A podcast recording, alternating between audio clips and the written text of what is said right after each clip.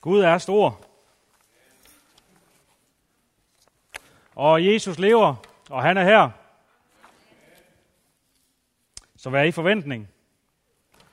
Så vær i forventning. Vær i forventning til, at øh, Jesus han vil røre ved dig. Han vil lade dig over kinden, eller lægge sin hånd på din skulder, eller hvad nu end du måtte have brug for.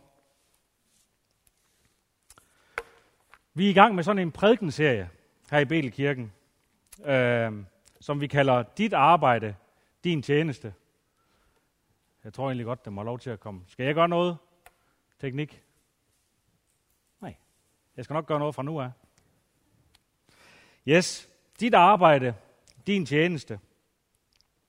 Rasmus Jonstrup, som er vores ungdomspræst, han øh, for et par uger siden, der talte han om, hvordan vi er skabt til at arbejde. Og hvordan, det er, hvordan, vi, hvordan vi godt kan lide og være nyttige. Øhm. og øh, for en uge siden, der talte Lars Midtgaard så, vores voksenpræst, om hvordan vi har mulighed for at præge kulturen, der hvor vi nu er. Selvfølgelig med arbejdspladsen som vores, som vores tema. Det, jeg kommer til at tale om i dag, det kommer til at læne sig en lille smule op, øh, op af det, som Lars talte om i forhold til kulturen. Øh, det, jeg skal tale om i dag, det er at have Gud med på arbejde.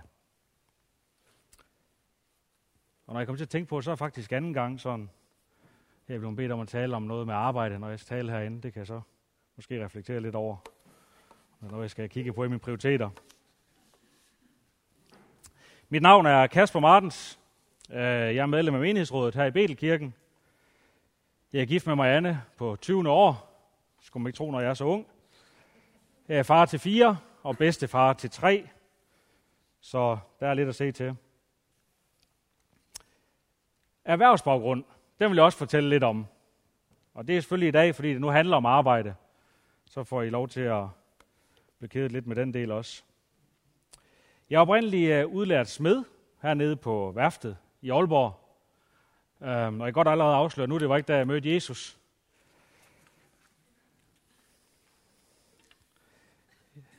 Jeg har læst videre til maskinmester, det gjorde jeg lige umiddelbart efter. Um, og så har jeg haft det vel af, af forskellige jobs jo, og så videre. I dag, der erhverver jeg mig som, som selvstændig, som medejer af en virksomhed, der producerer forskellige robotløsninger. Så det er meget teknisk, hvis det var sådan lige for at sætte, sætte den del af det. Derudover så har jeg også et par andre små virksomheder, som sådan er nærmest opstået undervejs i min evige søgen efter det næste projekt. Um, for jeg er altid i gang i et eller andet projekt. Både erhvervsmæssigt, men også privat. Enten så er jeg ved at bygge noget om derhjemme, eller også så uh, har jeg et eller andet projekt i mit læderværksted. Jeg plejer at sige, at jeg er iværksætter af Guds nåde, hvis jeg sådan skal være lidt frimodig en gang imellem. Og det kan måske lyde så en lille smule selvhøjtideligt, iværksætter af Guds nåde. Men det, jeg mener, det er faktisk ikke den her klassiske forstand, den her klassiske succesfulde iværksætter, som verden de ser. Det er ikke den, jeg prøver at sætte mig selv i kasse med. Det er mere den her, jeg som person inderst inde, så er jeg iværksætter. Jeg elsker at starte nye ting op. Jeg elsker at kaste mig ud i noget. Det er sådan, jeg er.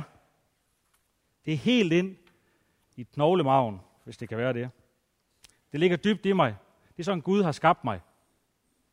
Det har måske i nogle år været svært for mig at forstå, hvorfor det skulle være sådan, og for de komplikationer, det nu kan give. Men sådan har vi måske alle sammen. Jeg har forlidet mig med det. Jeg er bare iværksætter og kan lige at starte nye ting op. Men så er jeg nok også lidt evangelist. Jeg er jo først blevet en rigtig kristen her som voksen. Øh, jeg kan ikke helt huske, måske det er cirka 20 år siden. Jeg er ikke så god til det med dato, hvornår man blev døbt og alle de ting her, men små 20 år siden måske. Hvor jeg for alvor kom til tro, fordi jeg selvfølgelig har en kone, der er kristen, og som blev ved med at tage mig med i kirke. Um, og lige da jeg kom til tro, der kan jeg huske, at jeg var fyr og flamme for at skulle ud på gågaden og fortælle om, at øh, Jesus lever, og alt det her, de kan, man nu kan få, øh, få godt af det. Ur løb, øh, hedder det, synge lovsang op på gågaden heroppe. Um, Men jeg må med skam indrømme, at det ikke rigtig blev. Det er måske blevet til en enkelt gang, vi er ude og dele nogle rundstykker ud til nogle mennesker herude i gaden her. Men jeg har endnu ikke haft gitaren med op på, på gågaden og står og synger lovsange i konkurrence med Holsens her. Jeg vil nok ikke have en chance jo, men uh... det er ikke rigtig sket, fordi det er enormt svært at henvende sig til fremmede mennesker. Kender I ikke det? Særligt hvis vi skal fortælle om noget, der betyder rigtig meget for os, som Jesus jo gør. Jesus er det vigtigste, vi har, og skal fortælle fremmede mennesker om det, og deres reaktion på det. Det er nok mest det, vi frygter i virkeligheden. Hvad er folks reaktion på det, der betyder allermest for mig? Hvordan ser verden på det? Og selv for en mig udadvendt person som mig, så har det været vanskeligt at træde ud for helt fremmede mennesker og fortælle om Jesus. I hvert fald i, i min egen egenskab, uden Gud. Paulus han har godt nok fortalt os om det her med fredens person, og det kommer jeg ind på lidt senere. Men hvordan er lige, man spotter fredens person ude på gågaden? Skal der komme et eller andet lys over personen, så man kan se ham eller hende? Skal man føle noget bestemt ind i hjertet, når man ser personen? Jeg tror simpelthen godt, begge dele det kan være tilfældet. Men det er nok ikke så tit. Jeg skal nok også indrømme, at der måske er lidt et tidsaspekt i det her med, at jeg ikke har været ude på gaden og evangelisere. Fordi jeg har brugt mig rigtig meget tid på mit arbejde, og bruger også rigtig meget tid. Og hvis I spørger mig, Janne, så bruger jeg nok også for meget tid. Eller mine børn for den sags skyld. Men gør alle egentlig ikke det? Sådan forholdsmæssigt bruger vi så rent faktisk ikke ret meget tid på arbejde. Bruger vi måske ikke næsten halvdelen af vores vågne tid, hvis vi tager transport frem og tilbage med, på arbejde eller studie. Nu siger jeg mig, at jeg arbejder her. Det gælder selvfølgelig også for jer, der nu læser. Det gælder også på studierne, tænker jeg det her. Bare fordi det ligger så mange år tilbage for mig, at det er svært lige for mig. Yes. Vi bruger rigtig meget tid på det. Skræmmende meget tid. Og det bliver ekstra skræmmende, hvis det er sådan, at den tid, når vi opholder os på arbejde, bliver en anderledes, separeret tid fra vores normale trosliv. Og det sker let. Det sker også for mig. Jeg ved ikke, om det sker for jer nogle gange. Men det sker let, at jeg bliver begejstret der, hvor jeg er. Og lad mig suge ind i den kultur, som Lars talte om sidste uge. Lad mig suge ind i den kultur. I stedet for at være en ændring af den kultur, lad mig suge ind i det og være der. Og så bliver man to forskellige personer, når man er på arbejde, og når man ellers har sit normale trosliv sammen med sin familie og sine venner og i kirken. Og hvad man ellers laver af gode ting.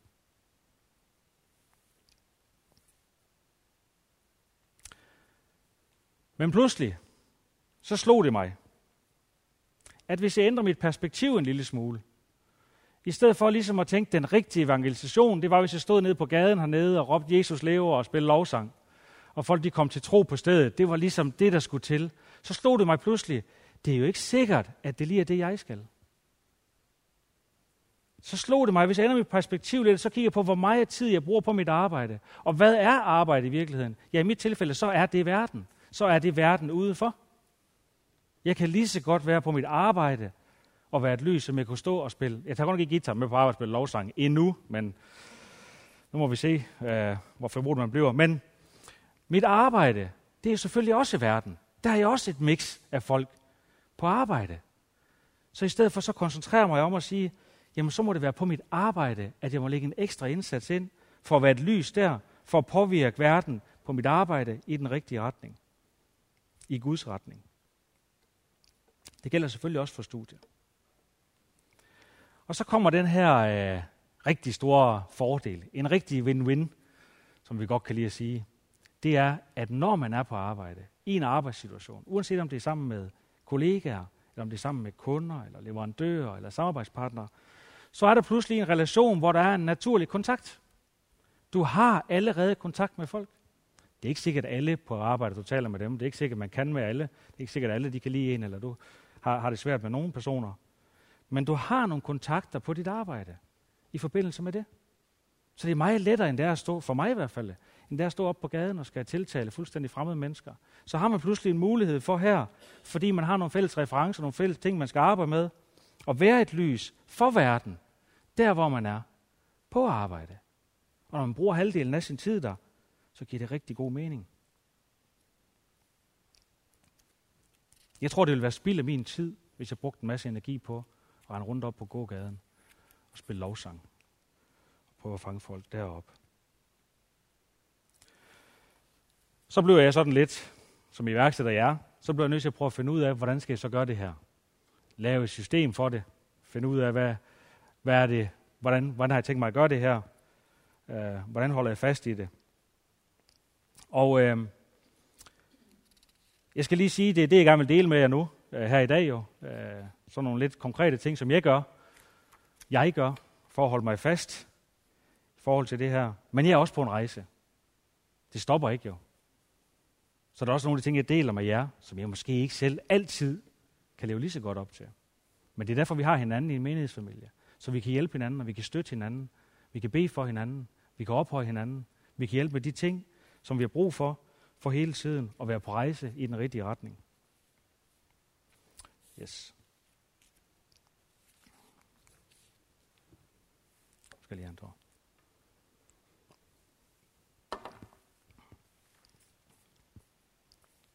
Jeg vil fremhæve tre ting, som der har haft øh, rigtig stor indflydelse på, hvordan øh, jeg har formået at have Gud med på arbejde. Det første er simpelthen at bede Gud om at velsigne mig. At sige, jeg har brug for dine velsignelser i forhold til din plan med mit liv. Jeg har brug for at være sikker på, at jeg har fået alt det, som du har til mig, for at jeg kan træde ind og, og gør din tjeneste. Så er det vigtigt for mig at være frimodig selvfølgelig. Det kan jeg selv snakke vi tit om. At være frimodig. Jeg begyndte at finde ud af, hvordan holder jeg mig frimodig? Hvordan bliver jeg ved med at være frimodig? Da jeg lige var kommet til tro, som jeg fortalte, der var meget frimodig. Fortalte uanset, hvor jeg var henne og på arbejde og så videre, fortalte jeg om Jesus og, og hvor fantastisk han var. Så det løg jeg lidt af med tiden. Men hvordan fastholder jeg den her frimodighed? Du er nødt til at finde en måde på at være. Og den sidste, og neutralisere fjendens angreb. Fordi I må vide, at når vi træder ind i det her, så er der en fjende. Så er der djævlen og hans dæmoner, som vil have bugt med os. Så snart vi stikker næsen frem for Jesus skyld, så vil der være en, der har lyst til, at vi skal lade være med det. Så det er også vigtigt for mig at have en god måde, og kan arbejde med i hvert fald, at neutralisere fjenden. Det er ikke tre ting, jeg sådan helt fuldstændig selv har fundet på. Jeg fik nemlig en bog, øh, da jeg var ret ny kristen, øh, af nogle øh, venlige folk fra menigheden. De er ikke lige til stede i dag, men det kan være, de sidder derhjemme. Han er John, som handler om øh, Jabes bøn.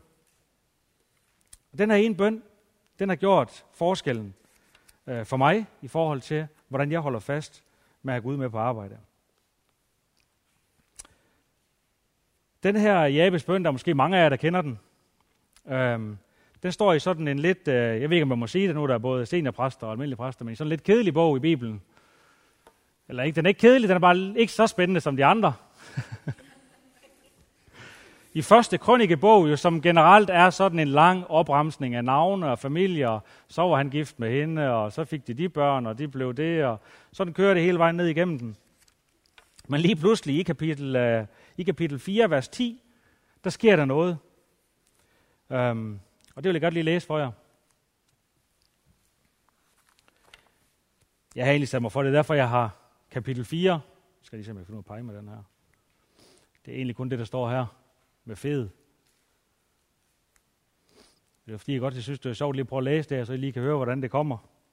Så tilgiv mig med de navn her, Kristen. Jeg ved, du kan dem alle sammen, men jeg er ikke sikker på, at jeg kan udtale dem. Askur, Tekoas far, havde to koner, Hella og Naara. Naara fødte af Husam, Hefer, Temini og As Ahastaritterne. Det var Naharas sønner. Ja, det var Naharas sønner. Hellas sønner var Seret, Jesohar, Etnan og Kos.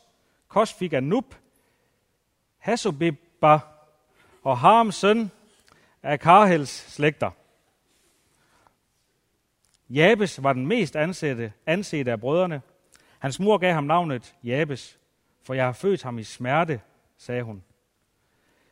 Jabes påkaldte Israels Gud og sagde, Gid du vil velsigne mig og gøre mit område stort. Gid din hånd må være med mig, og du vil fri mig fra ulykke, så jeg ikke lider smerte. Og Gud gav ham, hvad han bad om. Kelub, Shuhas bror, fik Mehir. Han blev far til Eston. Eston fik Bedrafa, Pesea og Tekina. I Anaras far, det var mændene fra Reka. Så fortsætter vi bare igen derudad. Det er ikke fordi, jeg skal dvæle ved det specielle ved Jabes, for det er der en, det kunne være en helt prædikenserie i sig selv, den her simple bøn her. Men jeg vil gerne dykke ned i, hvad det har betydet for mig at få kendskab til den bøn her. Hvordan jeg bruger det. Uh, man siger, at der er fire bønder i den her. Jeg har som sagt sagt, der er tre ting, som jeg ligesom tager med, som jeg bruger i forhold til mit arbejde. Uh, og få Gud med på arbejde. Um, øhm, men det er jo lidt frimodigt, tænker man, at Jabes beder, giv du vil velsigne mig, og gør mit område stort. Hvad betyder det egentlig? Ja, velsign mig ved vi vel godt, men at gøre mit område stort på den tid her, så betyder det, at hans klan den må blive stor osv. så. Det betyder at blive stor for Gud. Gør mit område stort for dig. Vind flere for mig. Til dit rige, Gud. Det vil jeg godt lige dykke lidt ned i. I det første her. Giv du vil velsigne mig og gøre mit område stort. Det er vigtigt, at vi forstår det her, det er, når vi siger velsign mig. Jeg kan også finde at bede, Gud vil du velsigne mig, først og fremmest mig. Så er det vigtigt at forstå, at det er ikke for min skyld. Jeg beder ikke om en bestemt bil eller en bestemt ordre, der skal lykkes. Jeg beder bare om, at du må velsigne mig med de velsignelser, der skal til, for at jeg lykkes i forhold til din plan i dag. Punktum.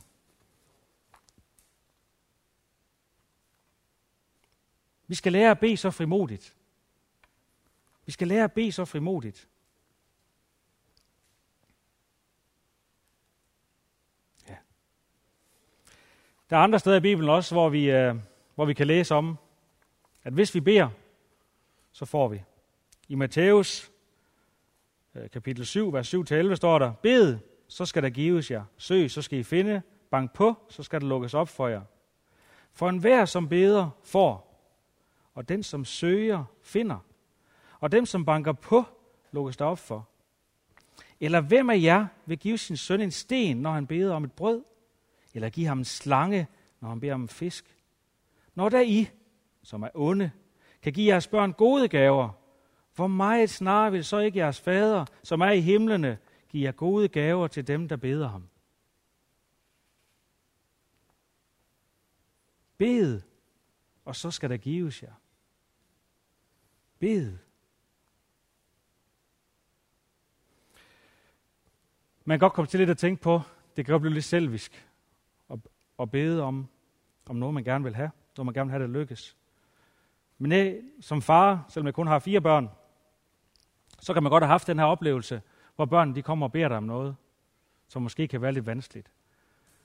Men i virkeligheden, så kan man føle sig helt beæret over, at børn de kan komme til en og tro, man kan løse et specifikt problem for dem, som man måske ikke har en chance for. Heldigvis, så har Gud al magt, og han kan løse alle vores problemer. Så vi ærer Gud ved at bede ham om at blive velsignelse. Vi ærer Gud ved at bede om hans velsignelse. Han glædes, når vi gør det. Han siger ikke, nej, nu vil de have noget igen. Han glædes, han tænker, wow, prøv at tænke, de har forstået det, at jeg har al magt i verden, og jeg elsker dem, og jeg vil give dem det, hvis de beder mig. Der er en lille historie om en mand, der kommer op i himlen til Sankt Peter. Og øh, så Sankt Peter han giver ham en rundvisning derop. De går rundt her på de her guldbelagte gader, og hvordan nu der, der, der ser ud derop. Og så øh, ser alle de her flotte huse. Så på et tidspunkt, så, kommer det, så, så kan jeg se, at det ligger sådan en lagerhal lidt væk. Øh, har man så siger han til Sankt Peter, hvad, hvad er egentlig det for en lagerhal derhen? Hvad, hvad er det for noget spændende noget, I har derhen? Han tænkte måske, det kunne være noget jysk, eller noget Ikea, eller hvor han kunne komme ind og hente de møbler, han nu skulle have i hans himmelske bolig. Ikke fordi jeg tror, de er IKEA, men... Øh, Og Sankt Peter siger til ham, det er ikke noget for dig. Der skal du ikke hen. Men det ender selvfølgelig med, at manden han insisterer, og der er ikke nogen hemmeligheder i himlen, så, Sankt Peter siger, så lad gå. Så træder de ind i lagerhallen, og med det samme går det op for, øh, for manden, at det er fyldt med kasser med navne på. Og han skynder sig at finde den gang, hvor hans øh, initialer de står på og løber ned ad den og finder hans egen kasse. Og inden Sankt Peter får sagt noget, så får han åbnet kassen, og så kigger han ned i den. Oh, siger han så. Ned i den kasse, der var alle de velsignelser, som Gud havde til ham, men som han aldrig spurgte efter. Alle de velsignelser, som Gud havde til ham, men som han aldrig havde spurgt efter. Det er selvfølgelig bare en historie. Det er selvfølgelig bare en historie. Men i Jakobs brev, der bliver det lidt understreget, synes jeg. Kapitel 4, vers 2. I begærer brændende, men opnår intet. I myrder og misunder, men kan intet udrette. Og nu kommer det. I strides og kæmper, men opnår intet, fordi I ikke beder. Fordi I ikke beder. Så bøn er helt essentielt. Og det er helt essentielt at bede om at blive velsignet, fordi det ærer vores far.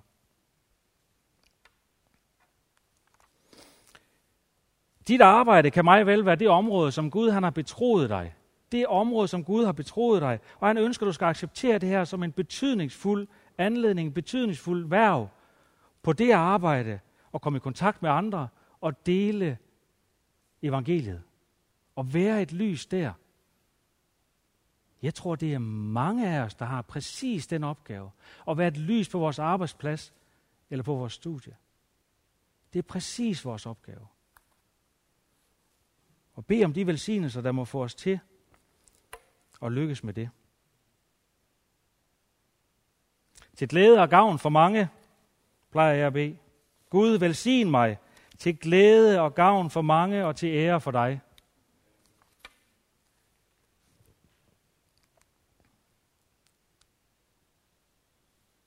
Jeg ved ikke, om jeg gør det her rigtigt.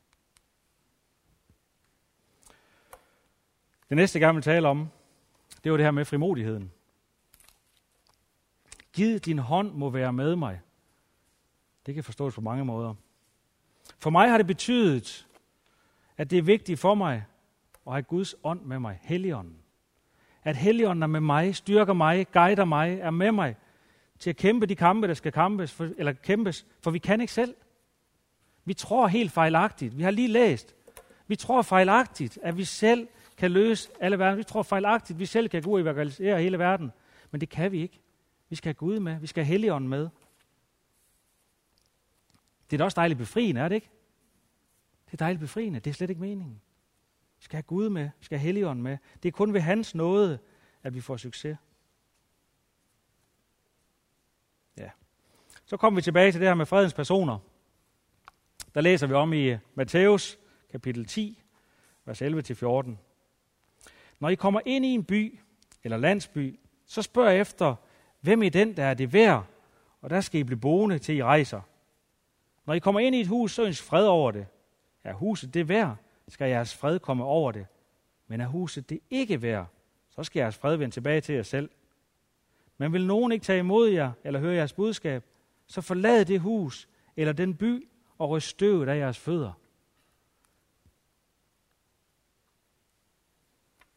Jeg kan huske i starten, der læste jeg også om det her. Fik det her fantastiske, øh, fine ord. Men jeg havde ikke helt forstået det. Man tænkte, man skulle ud og kigge der, og virkelig holde øje med, hvor de var henne. Og det ender med, at man selv gør tingene. Men det er ikke nødvendigt. Fordi der, hvor vi er, der vil Gud vise os fredens personer. Det er ikke sikkert, at vi lige opdager det, men de er der.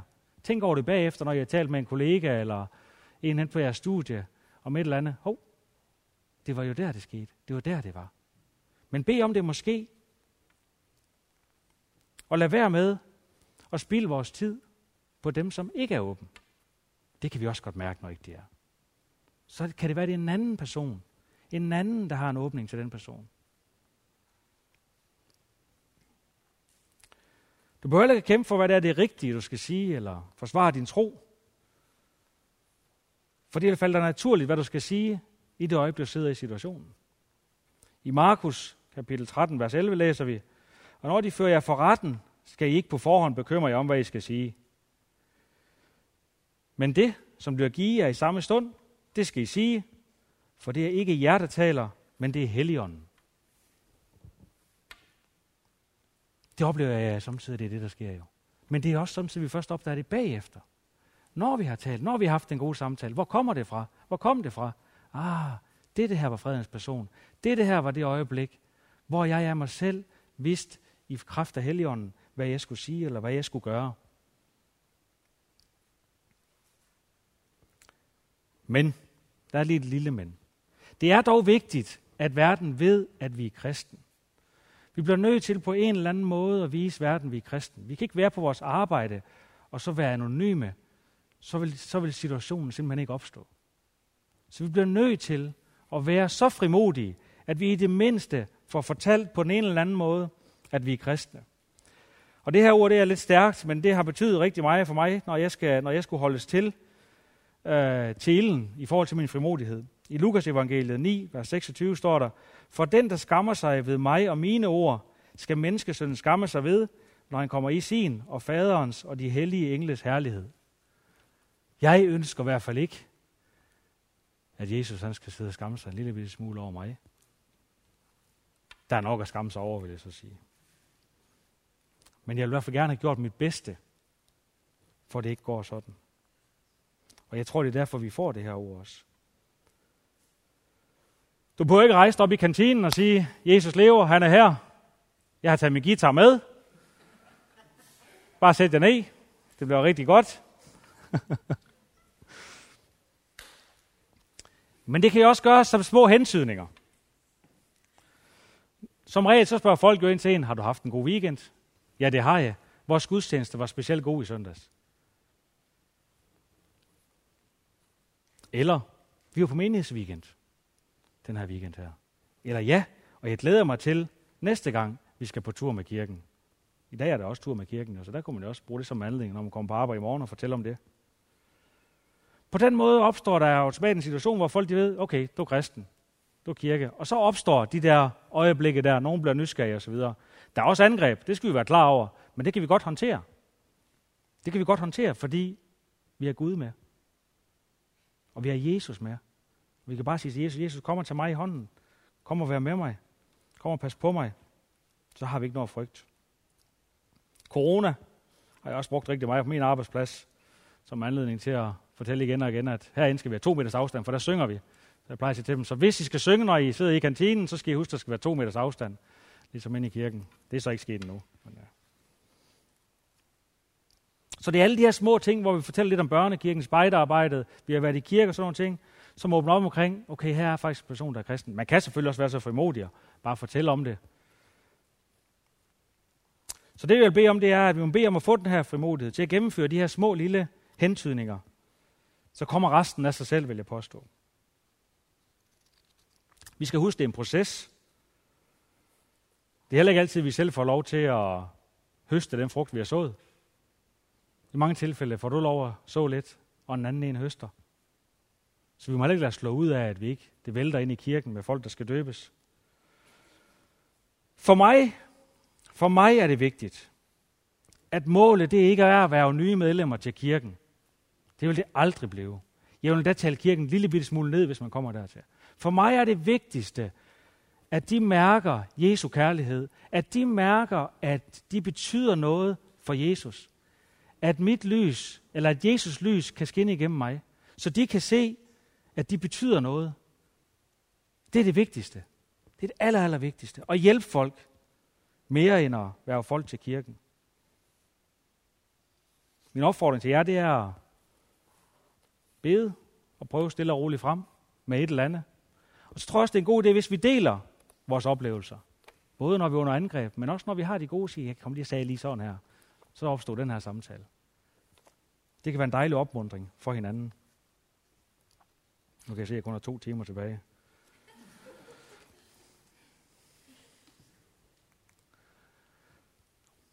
Den tredje ting.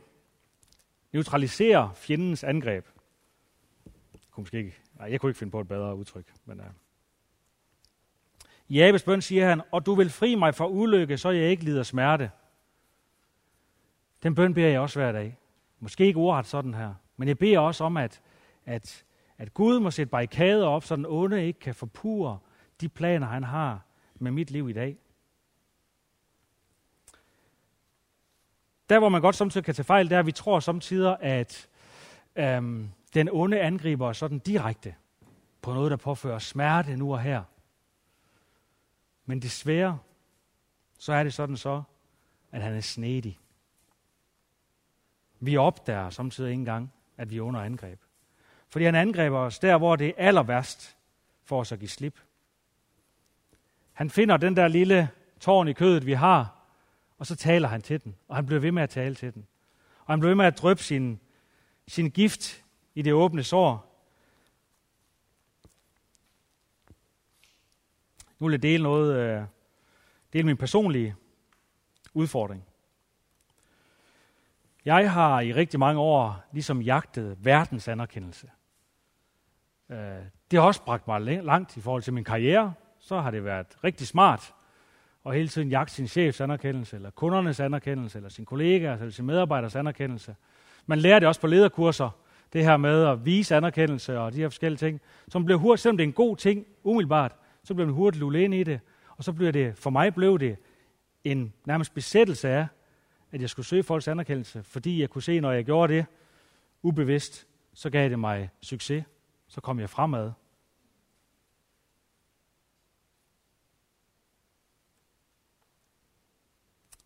Det virkede på min karriere, men min sjæl tog skade. For det betød, at nogen havde frit lejde til det her åbne sår, som hedder at søge andre menneskers anerkendelse, frem for at søge Guds anerkendelse. Så hver eneste dag kunne han drøbe lidt gift i det sår her, sådan så jeg hele tiden blev trukket længere og længere væk fra, Guds, fra at søge Guds anerkendelse, men til at søge verdens anerkendelse i stedet for. Og det har med garanti frataget mig store muligheder, som Gud han havde tilrettelagt for mig. Det er stadigvæk noget, jeg arbejder med. Det sidder så voldsomt i mig, det er stadig noget, jeg arbejder med. Jeg må bede for det hver dag.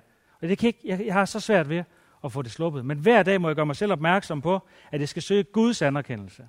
For det er Gud og hans velsignelse, der gør en forskel.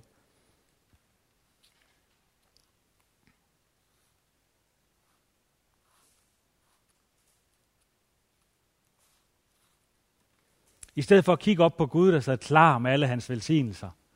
I stedet for bare at kunne kigge op til ham og så sige, du giver mig bare en øh, ordentlig skovlfuld i dag. Jeg er klar. Tak fordi du vil det.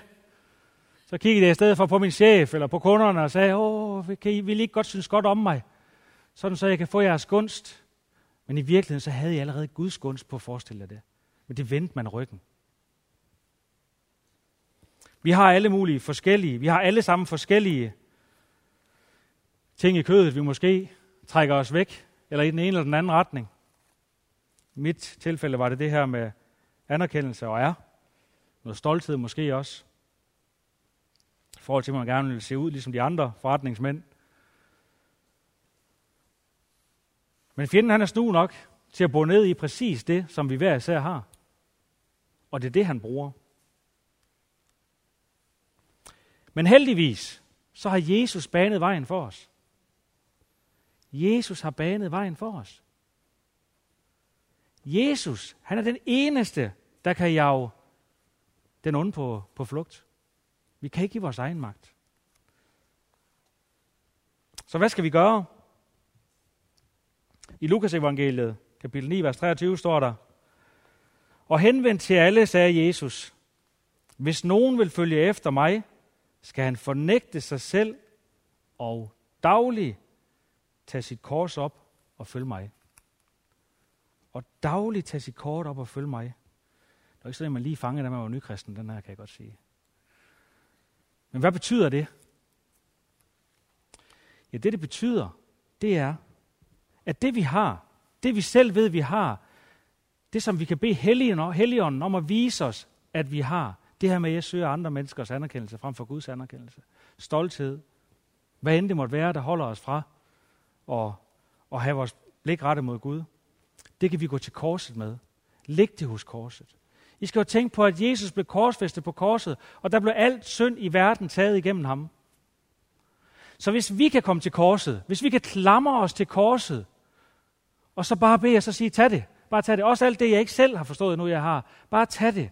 Også med den smerte, det eventuelt må koste at tage det.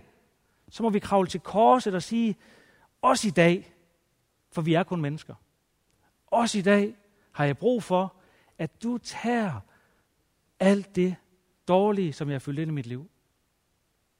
Hver dag må vi krybe til korset og blive renset. Jesus står der med udstrækte arme ved foden af korset. Så ser jeg ham. Tag imod os. Hold os i hånden. Også når det gør ondt. For det gør nas at komme af med nogle af de ting her. Det gør nas, når man skal hele sådan et åbent sår. Men så har vi Jesus. Vi har Jesus, der lægger sin helende hånd på os. Han trøster os. Han er os over kinden. Han skubber os i den rigtige retning. Han er der. Han lever, og han er her. Så vi har ikke noget at frygte, selvom det kan være lidt barsk og skal gå til korset. Vi skal heldigvis ikke korsfæstes, bogstaveligt, som Jesus blev. Men derfor kan det godt være lidt voldsomt. Men min opfordring er, at vi minder hinanden om dagligt at gå til korset og lægge det, vi har der. Dagligt at bede Helligånden om at vise mig, hvad er det, jeg har, som forhindrer mig i at rette mit blik på Gud og få alle de velsignelser, han har tilrettelagt for mig. Ja.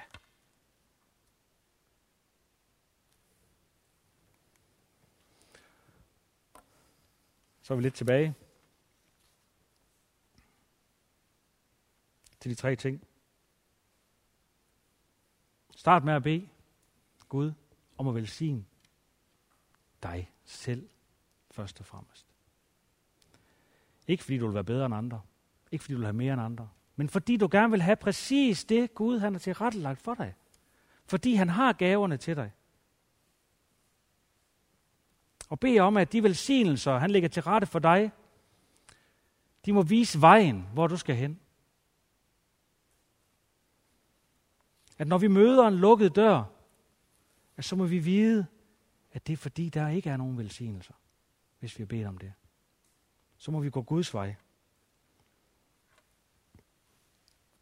Vi må holde udkig efter fredens person, der hvor vi er. Vi må være frimodige og få fortalt på en eller anden måde, at vi er kristne.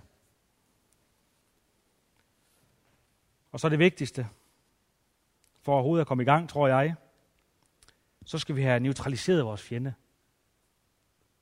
Han er virkelig.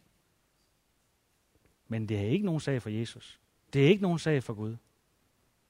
Men vi bliver nødt til at gå til Jesus med det. Uanset hvad vi har. Vi bliver nødt til at gå til Jesus med det. Vi bliver nødt til at gå til korset med det. Og få det taget der. Med alt det nu, det må indebære. Så vi kan blive sat fri til at modsage Guds velsignelser.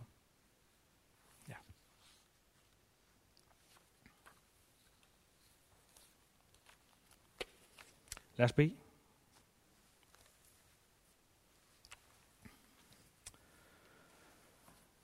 Tak, kære Gud, at du valgte at ofre din søn for os. At du valgte at tage dit allerdyrebareste og ofre det på korset for os. Så vi igennem troen på Jesu Kristus korsfæstelse og genopstandelse kan blive genforenet med dig. Og tak, kære Jesus. Tak, kære Jesus, fordi du gik hele vejen. Tak, fordi du ikke lod dig forblinde af verden, Tak fordi du ikke valgte alt det, verden tilbød dig. Heller ikke engang, da djævlen tilbød dig alt ude i ørkenen. Tak fordi, at du stod imod, og at du gik hele vejen og offrede dig selv på korset for os.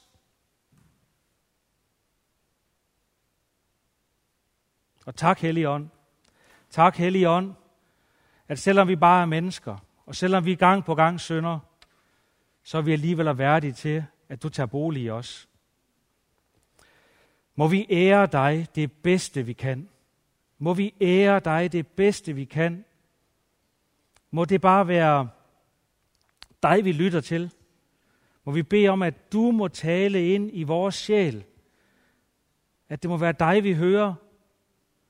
Det er både dig, vi hører, når vi er for en vej, vi skal gå, hvad vi skal sige. Men det er også dig, vi hører, når vi ved præcis, så vi ved præcis, hvad det er, at vi skal gå til korset med. Og vil du give os styrke, Jesus? Jesus, vil du være her? Tak, fordi du er her nu. Tak, fordi du er her nu. Bare tak, fordi du går rundt her. Tak, fordi du også er hjemme i stuerne. Tak, fordi du går rundt og lægger en kærlig arm omkring os. Også i disse coronatider. Du er os blødt på kinden. Du løfter os op, skubber os lidt i den rigtige vej. Men mest af alt tak fordi, at du er der ved korsets fod. Når vi kommer, når vi kommer til korset, og skal lægge det ned, som fjenden har plantet i os, og som vi så godt kan lide i vores kød, så er du der. Så er du der, Jesus, til at holde os i hånden, til at trøste os. Og vi kan se ind i dit ansigt, Jesus. Vi kan se ind i dit ansigt. Og så kan vi se, hvor højt du elsker os. Din kærlighed stråler ud af dig. Og din blide berøring er nok til at hele alle vores sår. Følg os på vej, Jesus. Tag os i hånden. Tag os med hen til korset. Lad os ikke være bange. Du er med os. Vi går hen til korset. Vi lægger det ned, vi har. Og så kigger vi op. Så kigger vi op til far i himlen. Og så siger vi, velsign os. Velsign os med alle de velsignelser, du har, for at vi skal lykkes som kirke, som mor, som far, som søskende, som kollega. Du har det hele til os. Vi skal bare kigge op. Så kan vi gøre en forskel i verden. Jeg beder om nu, at du vil røre ved alle dem, der hører det her nu. At du vil røre ved alle her i stald, du vil røre ved alle derhjemme. Jesus, at du vil røre ved dem alle sammen, og du vil få dem alle sammen, vil du give dem alle sammen lyst til at være en kæmper for dig. At du giver alle lyst til og gå til korset med det, vi har. Giv alle lyst til at kigge op og sige, velsign mig. Og giv alle lyst til at gå ud på arbejdspladsen, ud på studierne. Og kigge efter fredens person. Vis omsorg, hvis det er det, der er brug for.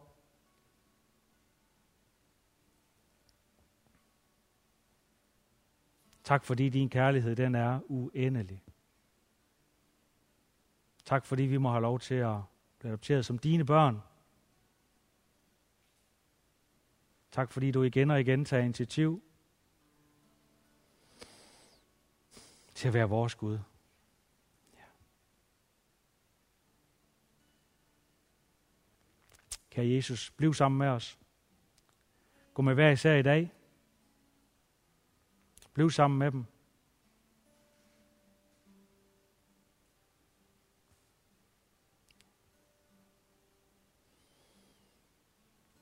I Jesu navn. Amen.